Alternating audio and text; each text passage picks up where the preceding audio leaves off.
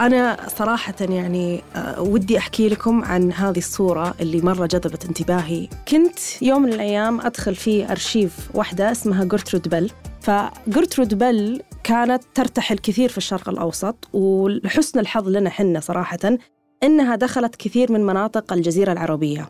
الصورة هذه هي ملتقطة لمدينة حايل سنة 1914 في شهر مارس. من حسن الحظ إنها كان معاها كاميرا وهي ترتحل في الجزيرة العربية ودفتر مذكرات ترصد كل الأشياء اللي كانت تشوفها وكانت بنفس الوقت يعني تقعد مع قبائل وتقعد تناقش معاهم وتقعد تتحاور معاهم.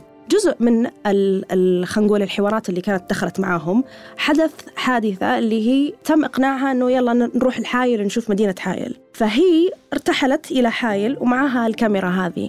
طبعا لما دخلت حايل انبهرت من المعمار النجدي القديم التقليدي. طبعا أنا من الجهة الثانية وأنا أشوف الأرشيف حقها. كنت غرقانه في الاستمتاع. وترى في يعني في فعلا في صور مرة كثيرة لجرترود بل منتشرة في المملكة كلها. لكن في بعض الصور لم تنشر. وهذه واحدة منهم.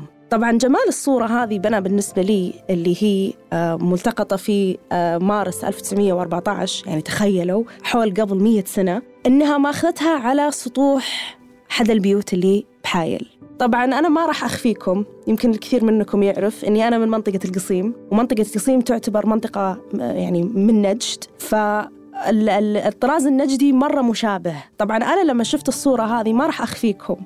أول شيء جاء في بالي سواليف خالاتي. خالاتي لما كنا حنا صغار كانوا دائما يسولفون شلون كانوا يقعدون على سطوح البيوت أيام أول خاصة بالصيف يفرشون الفرش. وينامون ويقعدون يسولفون ويقعدون يعني يعني اندماج تام ثقافي.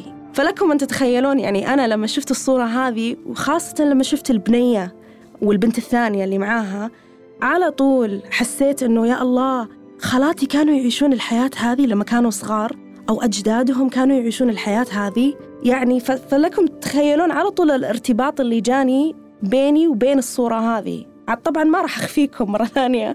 على طول شاركت الصورة هذه في العائلة.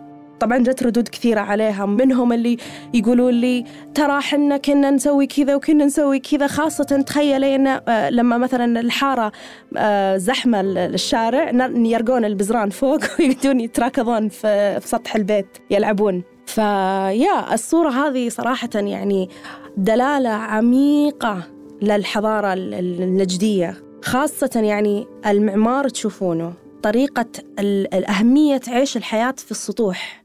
يعني عادة في كثير من الثقافات العالمية السطح البيت لا يعني شيء كثير.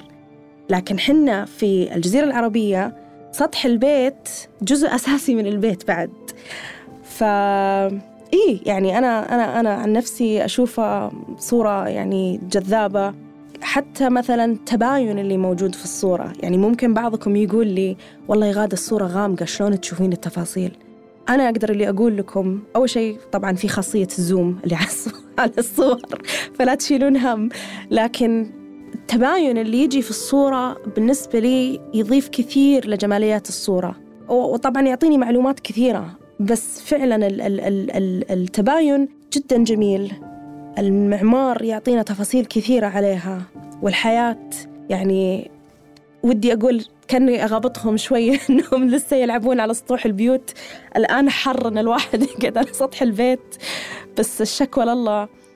آه هذه هي الحياة الآن لكن خليني أقول لكم بس أننا ننبسط وحنا نشوف الصور هذه. فاللي أهله بل من المنطقة بالله شاركوا الصورة هذه لأهلكم.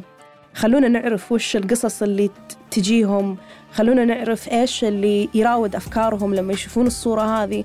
ممكن يحرك شيء فيهم ممكن يطلع تفاصيل أكثر ممكن ندري نتعلم أشياء من أهالينا. إحنا فعليا الجيل هذا والأجيال الثانية ما نعرف عنها.